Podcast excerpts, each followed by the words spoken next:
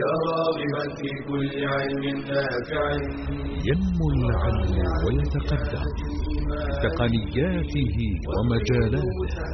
ومعه نطور أدواتنا في تقديم العلم الشرعي. أكاديمية زاد.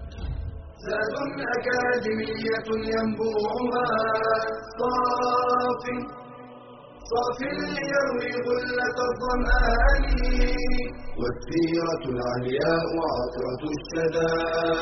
طيب يفوح لأهل كل زمان. بشرى لنا أكاديمية للعلم كالأزهار في البستان. الحمد لله رب العالمين وصلى الله وسلم وبارك على نبينا وحبيبنا وقدوتنا وإمامنا محمد بن عبد الله صلى الله عليه وعلى آله وأصحابه وإخوانه ومن دعا بدعوته واستنى بسنته واهتدى بهديه إلى يوم الدين. أما بعد حياكم الله إخواني وأخواتي في برنامج أكاديمية زاد في هذا البرنامج العلمي والمسار العلمي الذي نلتقي فيه في دروس السيرة النبوية على صاحبها أفضل الصلاة وأتم التسليم. نقبس من حياة المصطفى صلى الله عليه وسلم أنوارا وهداية ودلالة وإرشادا ما نستعين به على الاقتراب والامتثال والاقتداء بشخصه الكريم صلى الله عليه وسلم ألا الله أن يحشرنا تحت لوائه وأن يرزقنا شفاعته وأن يرزقنا مرافقته في الجنة. كنا تحدثنا في اللقاءات السابقة عما من الله به تبارك وتعالى على رسوله الكريم من الفتح العظيم. فقد نصره الله تبارك وتعالى وفتح عليه مكة وما حولها واستقر له الوضع في جزيرة العرب. وكذلك ما من الله به تعالى عليه من غنائم حنين وكذلك ما من الله تبارك وتعالى به عليه من النصر والمقابلة لجيوش الروم العظيمة وشاع خبر هذه القوة المسلمة بقيادة رسول الله صلى الله عليه وسلم التي أصبح لها يضرب ألف حساب. ليس فقط من قبائل العرب المحيطة بالمدينة وإنما حتى مما يحوط بجزيرة العرب من الروم وكسرى وقيصر تسامعوا بهذه القوة العظيمة التي دانت لها العرب جمعاء في مكة والمدينة والحجاز ونجد وغيرها أصبحت كلها تدين بدين الإسلام بعد الفتح العظيم فتح مكة الذي من الله به على المؤمنين.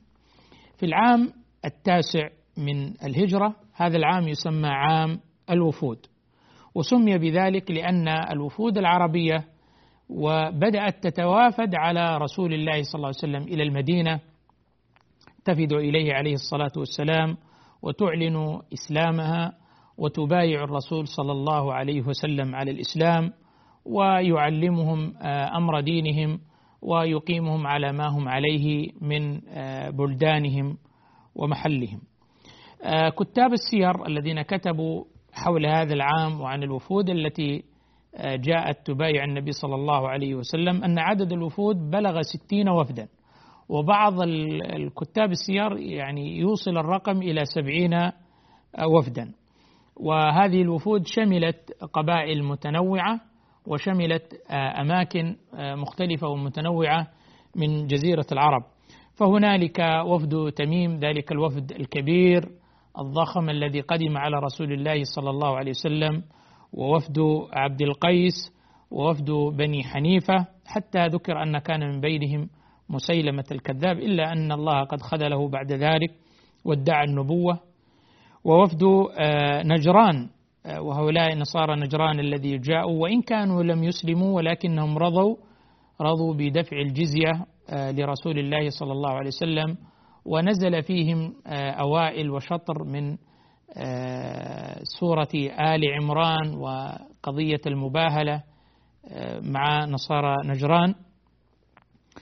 وكذلك وفد الأشعريين وأهل اليمن الأشعريين الذين هم قوم أبو موسى الأشعري وأهل اليمن ووفد دوس وجاءوا مع الطفيل بن عمرو الدوسي و يعني جماعته وقومه وكذلك هم قوم أبي هريرة.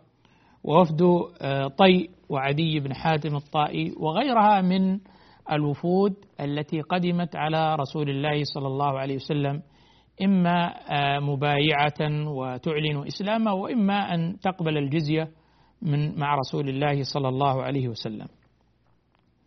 تتابع هذه الوفود يدل على ما وصلت إليه دعوة الرسول صلى الله عليه وسلم من القوة والمنعة والمكانة فأصبحت لها قيمتها أصبح لها وزنها أصبحت مرهوبة الجانب أصبح يعمل لها ألف حساب من خصومها ومخالفيها فأصبحت يعني تشير إلى سيطرة دعوة النبي صلى الله عليه وسلم على أنحاء الجزيرة العربية وأرجائها وأصبحت المدينة النبوية هي عاصمة الإسلام هي عاصمة الإسلام وبذلك بدأت الوفود تتوافد عليها.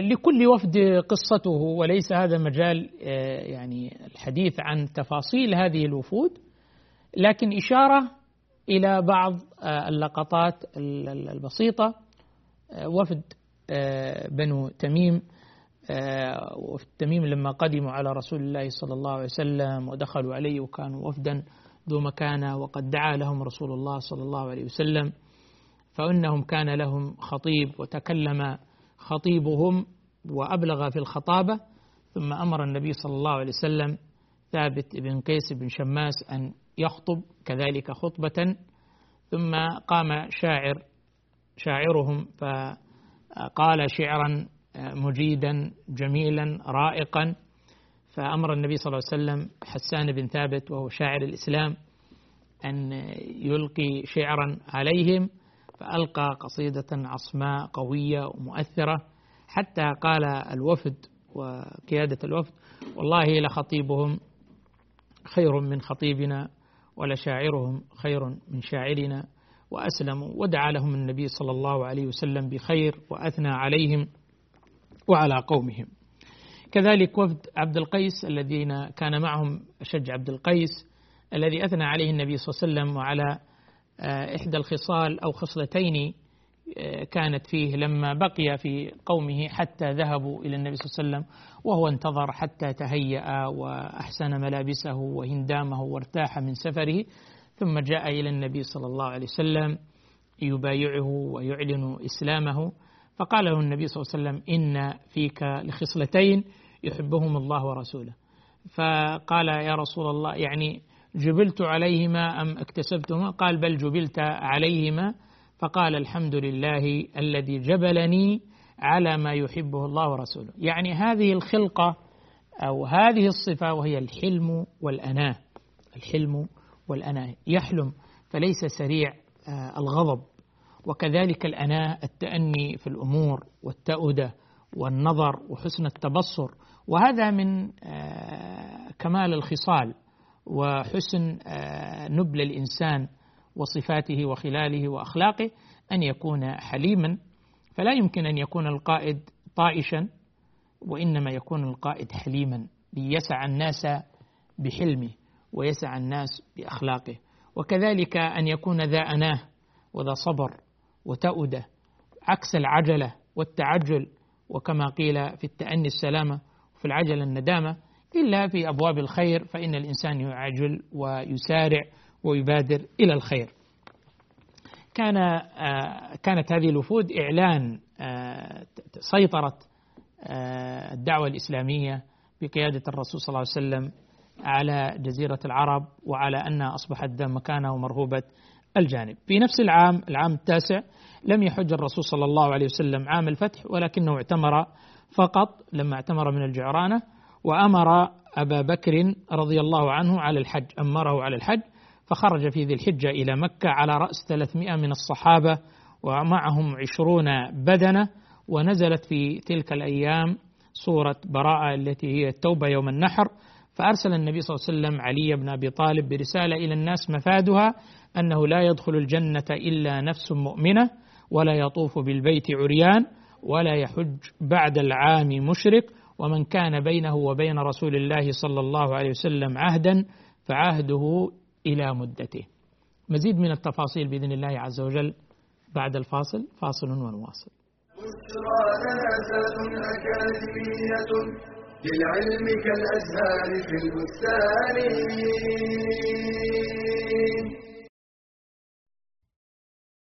أين أنت من العلم؟ وقد قال النبي صلى الله عليه وسلم: طلب العلم فريضة على كل مسلم، فهناك مقدار من العلم يجب أن يتعلمه المتخصص وغير المتخصص، فعلى كل مسلم أن يتعلم ما تصح به عقيدته وعبادته، وعلى غير المتخصص أن يبدأ بالكتب الميسرة، ثم يتدرج. ففي التوحيد مثلا يبدأ بالأصول الثلاثة والواسطية ثم كتاب التوحيد ثم الطحوية وهكذا سائر العلوم. وليسأل العلماء عما يشكل عليه ويقلدهم في الفتوى لقوله تعالى فاسألوا أهل الذكر إن كنتم لا تعلمون.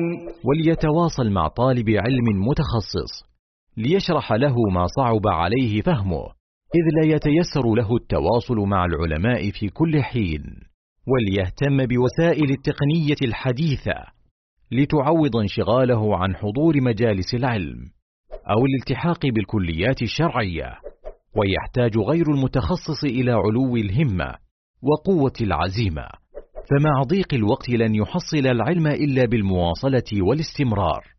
وليستفد من تخصصه في إتقان العلم الشرعي. فالطبيب مثلا تسهل عليه مسائل الحمل والجراحات والمهندس تسهل عليه الفرائض لإتقانه الرياضيات وليسخر ذكاءه في فهم دينه وخدمته. قال تعالى وتلك الأمثال نضربها للناس وما يعقلها إلا العالمون.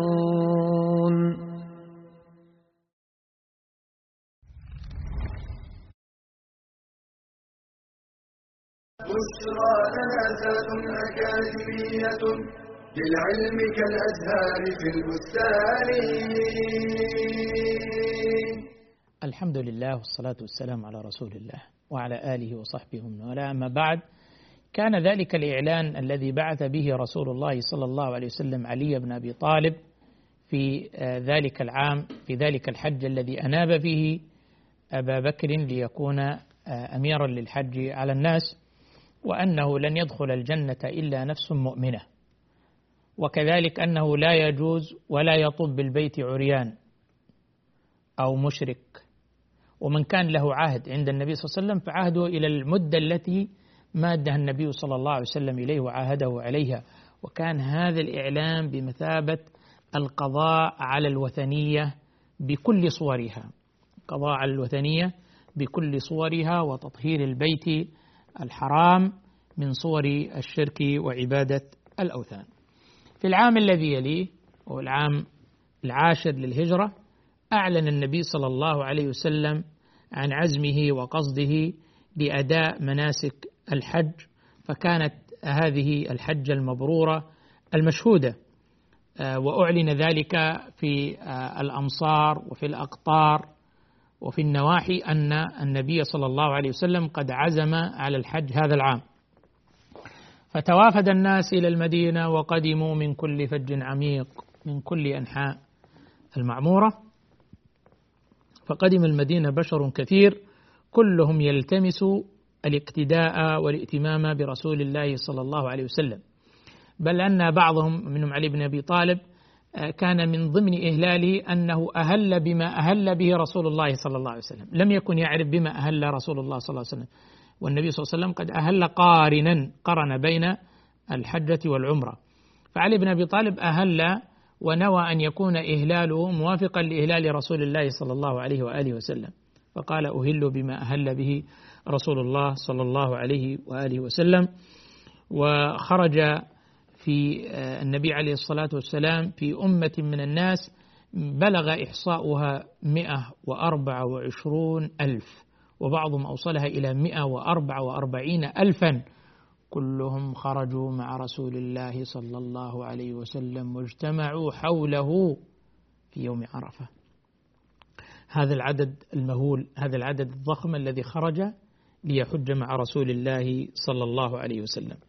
خرج صلى الله عليه وسلم في حجة الوداع نهارا بعد أن ترجل أي مشط شعره وادهن وتطيب فبات بذي الحليفة وقال صلى الله عليه وسلم أتاني الليل آت من ربي. فقال صل في هذا الوادي المبارك وقل عمرة في حجة فأحرم بها قارنا صلى الله عليه وسلم وساق معه الهدي. فكان إحرام النبي صلى الله عليه وسلم إحرام قارن. أدخل العمرة مع الحج سويا في آه، إحرام واحد وسفرة واحدة. دخل صلى الله عليه وسلم مكة يوم الأحد بكرة يعني مبكرا من جهة كدام من الثنية العليا وطاف طواف القدوم. طاف طواف القدوم فرمل ثلاثا يعني مشى سريعا في الأشواط الثلاثة الأولى ومشى أربعا مشى مشيا عاديا. أربعة الأشواط الأخرى فكمل آه، سبعة أشواط يطوف بها حول البيت الحرام. ثم اتجه إلى الصفا صلى الله عليه وسلم وصعد الصفا مكبرا وسعى راكبا. ثم أمر من لم يسق الهدي بفسخ الحج إلى العمرة. يعني في ناس ساقت الهدي مثل النبي صلى الله عليه وسلم. فهذا أتم قارنا. ومن لم يسق الهدي أمره النبي صلى الله عليه وسلم أن يتحلل من الإحرام تحللا كاملا وتعد تلك عمرة تامة ويقصر ويتحلل من إحرامه ويحل له كل شيء. آه، فلما كان يوم التروية توجه صلى الله عليه وسلم إلى منى وهي اليوم الثامن فصلى بها الظهر والعصر والمغرب والعشاء وصلاة الفجر. وكان يقصر الرباعية صلى الله عليه وآله وسلم. وبات بمنى حتى الصبح ثم صلى بها الصبح عليه الصلاة والسلام. فلما طلعت الشمس سار إلى عرفة وضربت له قبة صلى الله عليه وسلم بنمرة فقام بها حتى زالت الشمس. زالت الشمس أي تحركت عن آه، منتصف السماء منتصف كبد السماء. فخطب النبي صلى الله عليه وسلم الناس خطبة عظيمة وصلى بهم الظهر والعصر بأذان واحد وإقامتين جمعا وقصرا. وكان من خطبته صلى الله عليه وسلم في ذلك الموطن العظيم آه، يوم عرفة وحوله أكثر من مئة وأربع وعشرين ألف إنسان يؤمن به ويتبع صلى الله عليه وآله وسلم. فكان من خطبته أيها الناس اسمعوا قولي. فإني لا أدري لعلي لا ألقاكم بعد عام هذا بهذا الموقف أبدا. وكانت تسمى يعني خطبة الوداع وحجة الوداع لما فيها كان من العبارات التي تشير إلى وداعه صلى الله عليه وسلم لهذه الدنيا وكذلك أنه لن يعود يحج بهم في مثل هذا العام. ثم كان من خطبته صلى الله عليه وسلم لذلك الجمع ولأمته إن دماءكم وأموالكم وأعراضكم عليكم حرام كحرمة يومكم هذا في شهركم هذا في بلدكم هذا. ألا كل شيء من أمر الجاهلية موضوع تحت قدمي هاتين. موضوع تحت لا قيمة له ولا عبرة به. لا دماء الجاهلية ولا ربا الجاهلية ولا أخلاق الجاهلية ولا عادات الجاهلية كلها موضوعة تحت قدمي. كل أمر من أمر الجاهلية فهو تحت قدمي موضوع. ثم في تلك الخطبة أوصى النبي صلى الله عليه وسلم بالنساء خيرا فقال فاتقوا الله في النساء فإنكم أخذتموهن بأمانة الله واستحللتم فروجهن بكلمة الله وهو العقد الغليظ الذي كان بين المسلم والمسلمة على كتاب الله وسنة رسوله صلى الله عليه وسلم. ثم ذكر الأمة بأنها قد تركها صلى الله عليه وسلم وترك فيها ما إن تمسكت به لن تضل بعد رسول الله صلى الله عليه وسلم وهو كتاب الله. قال عليه الصلاة والسلام تركت فيكم ما لن تضلوا بعده إن اعتصمتم به. كتاب الله. إذا اعتصم المسلمون بكتاب الله ففيه العزة وفيه النصر وفيه الأمان وفيه الهداية من الضلال وفيه الأنوار وفيه الخير وفيه السعادة. إن هذا القرآن يهدي للتي هي أقوم للتي هي أفضل للتي هي أحسن للتي هي أكمل في أمر الدين وفي أمر الدنيا. ثم قال صلى الله عليه وسلم وإنكم وأنتم تسألون عني أي يوم القيامة فما أنتم قائلون. يطلب منهم ماذا سيقولون يوم القيامة؟ حينما يسألهم الله سبحانه وتعالى لما يسأل الأنبياء حول ماذا أجبتم كيف صنعتم بدعوة الله عز وجل؟ ماذا أجبتم؟ قال فما أنتم قائلون؟ قالوا الصحابة نشهد أنك قد بلغت الرسالة وأديت الأمانة قد بلغت وأديت ونصحت بلغت وأديت ونصحت صلى الله عليه وسلم وهو كذلك عليه الصلاة والسلام. بلغ البلاغ المبين ونصح وجهد في النصيحة لأمته عليه الصلاة والسلام. وأدى الأمانة كاملة كما أوكلها الله تعالى إليه ما نقصها وبلغ خير بلاغ فكان سيد الأولياء والأصفياء والأنبياء عليه الصلاة والسلام. فلما سمع صلى الله عليه وسلم منهم تلك الشهادة رفع صلى الله عليه وسلم إصبعه إلى السماء السبابة ثم يرفعها إلى السماء وينكتها إلى الناس ويقول اللهم فاشهد اللهم فاشهد. اللهم فاشهد. يشهد ربه سبحانه وتعالى على كلام هذه الأمة أنها آه، صادقة فيما تقول وأنها تعترف أن رسول الله صلى الله عليه وسلم قد بلغها دين الله وأنه قد أدى الأمانة التي عليه وأنه نصح أمته وجاد نفسه في النصيحة فبلغ خير البلاغ. وهو كذلك. وإنا والله لنشهد أن رسول الله صلى الله عليه وسلم قد بلغ الرسالة وأدى الأمانة ونصح للأمة وكشف الله به الغمة ونشهد أنه صلى الله عليه وسلم قد جاهد في سبيل الله تعالى حق جهاده حتى أتاه اليقين ونشهد أنه تركنا على المحجة البيضاء ليلها كنهارها لا يزيغ عنها إلا هالك فجزاه الله عنا وعن أمة الإسلام والمسلمين خير ما جزى نبيا عن للعلم كالأزهار في البستان.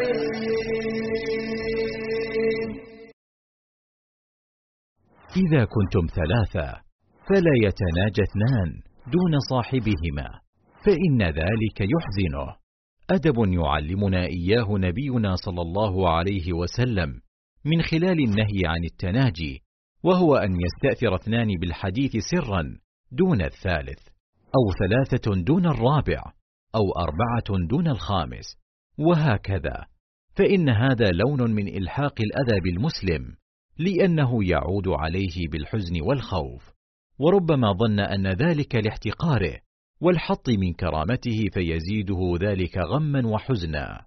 لذا حرم الإسلام التناجي كما قال تعالى ألم تر إلى الذين نهوا عن النجوى ثم يعودون لما نهوا عنه ويتناجون بالإثم والعدوان ومن صور التناجي المحرمة أن يتكلم اثنان بلغة مختلفة لا يفهمها الثالث أو أن يكتب أحدهما للآخر في ورقة والثالث جالس ولا يمكنه الاطلاع على ما كتب قال النووي رحمه الله وفي معناه أي معنى التناجي ما إذا تحدث بلسان لا يفهمه لأن العلة موجودة فإذا كان الحديث دائرا بين اثنين بداية ثم أتى ثالث وأراد أن يدخل بينهما فإن ذلك لا يجوز إلا بإذنهما.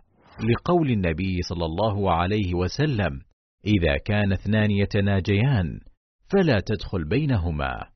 واعلم أنه إن دعت الضرورة إلى التناجي فإنه يكون مباحا بشرطين. الأول أن تكون هناك مصلحة راجحة على مفسدة التناجي.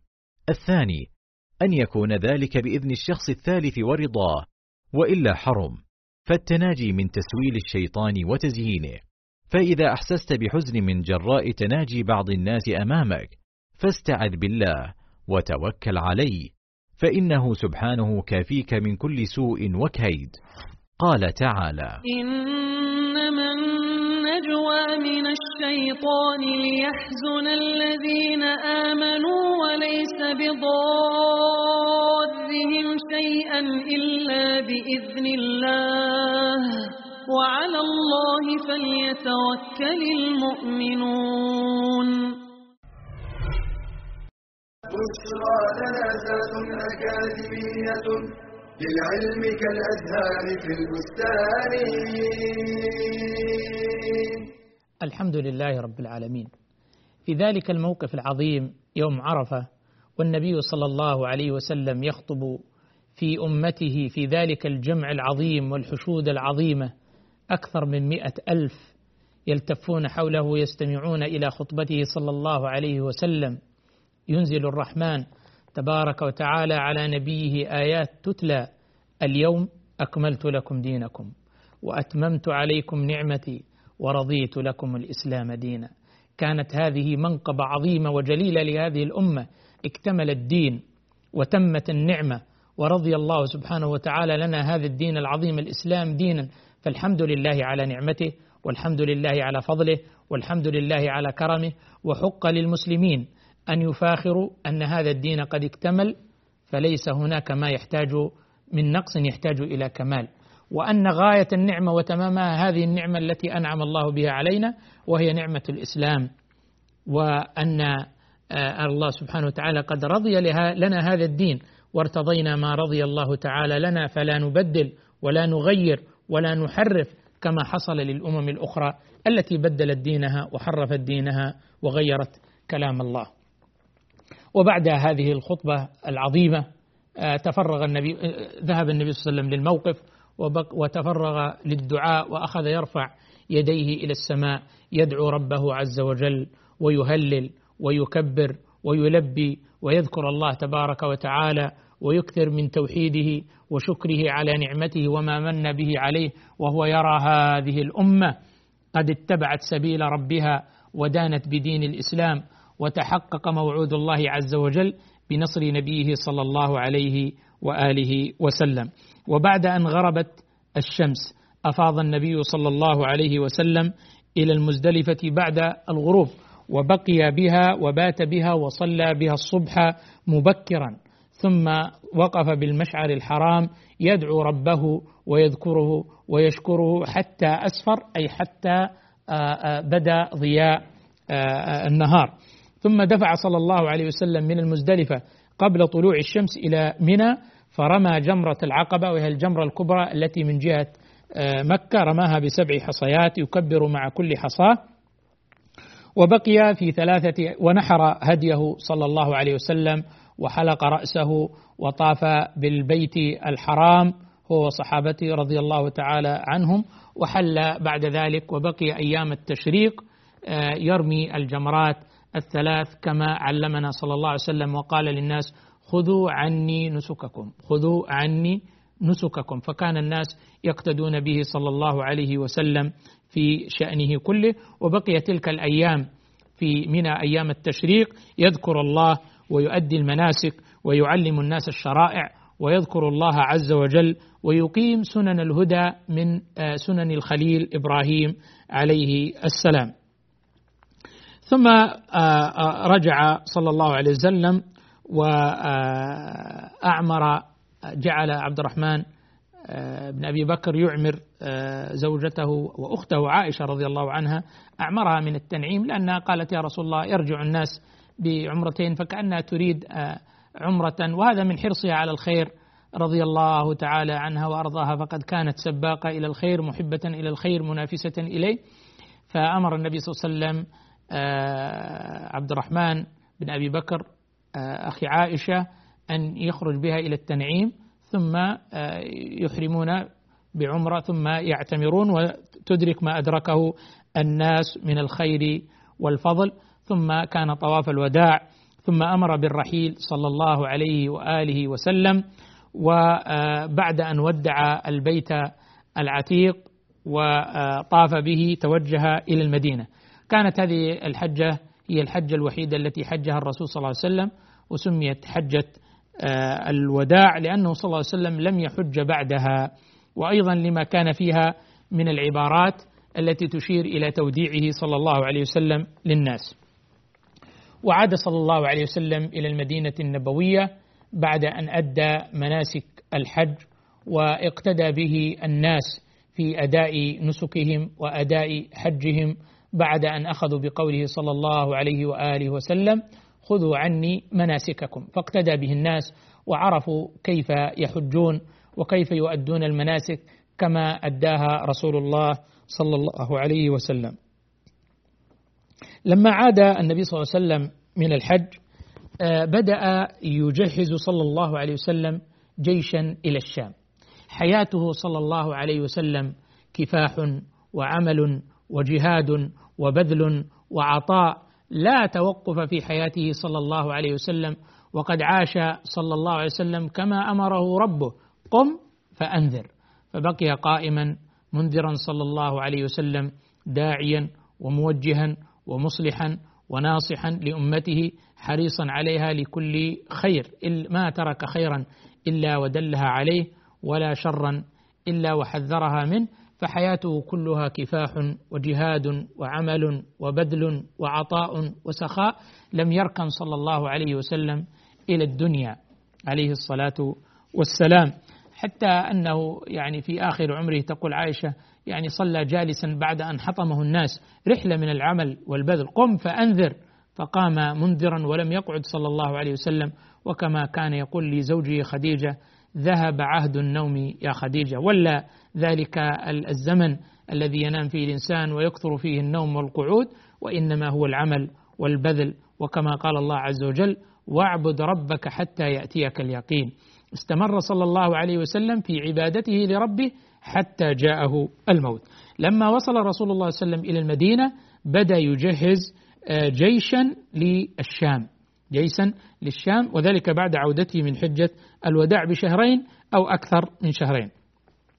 وجعل آه، اميرا وقائدا لهذا الجيش أسامة بن زيد بن حارثة رضي الله تعالى عنهما وكان شابا وأمره أن يتوجه إلى البلقاء. في حدود آه، منهم من يقول بين السابعة عشره إلى التاسعة عشر يعني لو قلنا كأكثر حد التاسعة عشر كان عمره تسعة عشر عاما وكان قائدا لجيش كان في هذا الجيش أبو بكر وعمر وعثمان وعلي من سادات المتقين وخالد بن الوليد وأبو عبيدة ورجال صالحون وسابقون في الإسلام وقادة وعظماء أمر عليهم هذا الشاب أسامة ابن زيد. وأمرهم أن يتوجهوا إلى البلقاء من جهة بلاد الشام وفلسطين وتجهز الناس وفيهم المهاجرون والأنصار وكان معهم أبو بكر وعمر ويعني استأذن آه، يعني في في في, في وولى عليهم أسامة بن زيد وهما موجودان آه، معه في الجيش أبو بكر وعمر بلغ هذا الجيش عدده ثلاثة آلاف. هذه الحملة آه، يعني تأخرت قليلا بسبب مرض النبي صلى الله عليه وسلم والناس أيضا قد تكلموا في إمارة أسامة بن زيد لهذا الجيش. من جهة حداثة سنه وأنه شاب آه، صغير وهناك في الجيش من هو آه، أعلم بالحروب والقيادة وإدارة الجيوش آه، من أسامة بن زيد فتسامع الناس بذلك فوصل الخبر إلى النبي صلى الله عليه وسلم قال إن تطعنوا في إمارته فقد كنتم تطعنون في إمارة أبيه من قبل اللي هو زيد بن حارثة لما كان أميرا على الجيش في آه، غزوة مؤتة في معركة مؤتة وأيضا كانت ضد الروم في مواجهة آه، ذلك الجيش العرمرم. وأيم الله وهذا قسم وصورة من صور القسم يقول النبي صلى الله عليه وسلم وأيم الله إن كان خليقا للإمارة يعني كان جديرا بالإمارة وجديرا بالقيادة وإن كان من أحب الناس إلي وإن هذا يعني زيد من أحب الناس إلي بعده. وبعد هذا الخطاب التف الناس حول أسامة بن زيد وانتظموا في جيشه حتى خرجوا ونزلوا بالجرف آه، على بعد فرسخ من المدينة إلا أن الأخبار المقلقة حول وضع رسول الله صلى الله عليه وسلم ومرضه آه، ألزمتهم التريث حتى يعرفوا ما يقضي الله. وفي هذا آه، يعني فعل النبي صلى الله عليه وسلم بتولية أسامة بن زيد فرصة لإتاحة التربية للأمة بإتاحة الفرصة للشباب وتمكينهم من القيادة وتمكينهم من العمل وفتح الآفاق لهم وإتاحة الفرصة لهم لأن يعملوا وأن يبذلوا وأن يجدوا وأن وجود الكبار والخبراء معهم لا يقلل من شأنهم بل هو تدعيم لهم وتقوية لهم فيجتمع حماسة الشباب وحدة الشباب وحيويته ونشاطه مع عقل الكبار والشيوخ وحكمتهم. وهذا من هديه صلى الله عليه وآله وسلم. والحمد لله رب العالمين. تلك العلوم دروسها ميسورة في صرح علم الراسخ الأركان. بشرى لنا بشرى لنا بشرى لنا ذات أكاديمية. للعلم كالأزهار في البستان.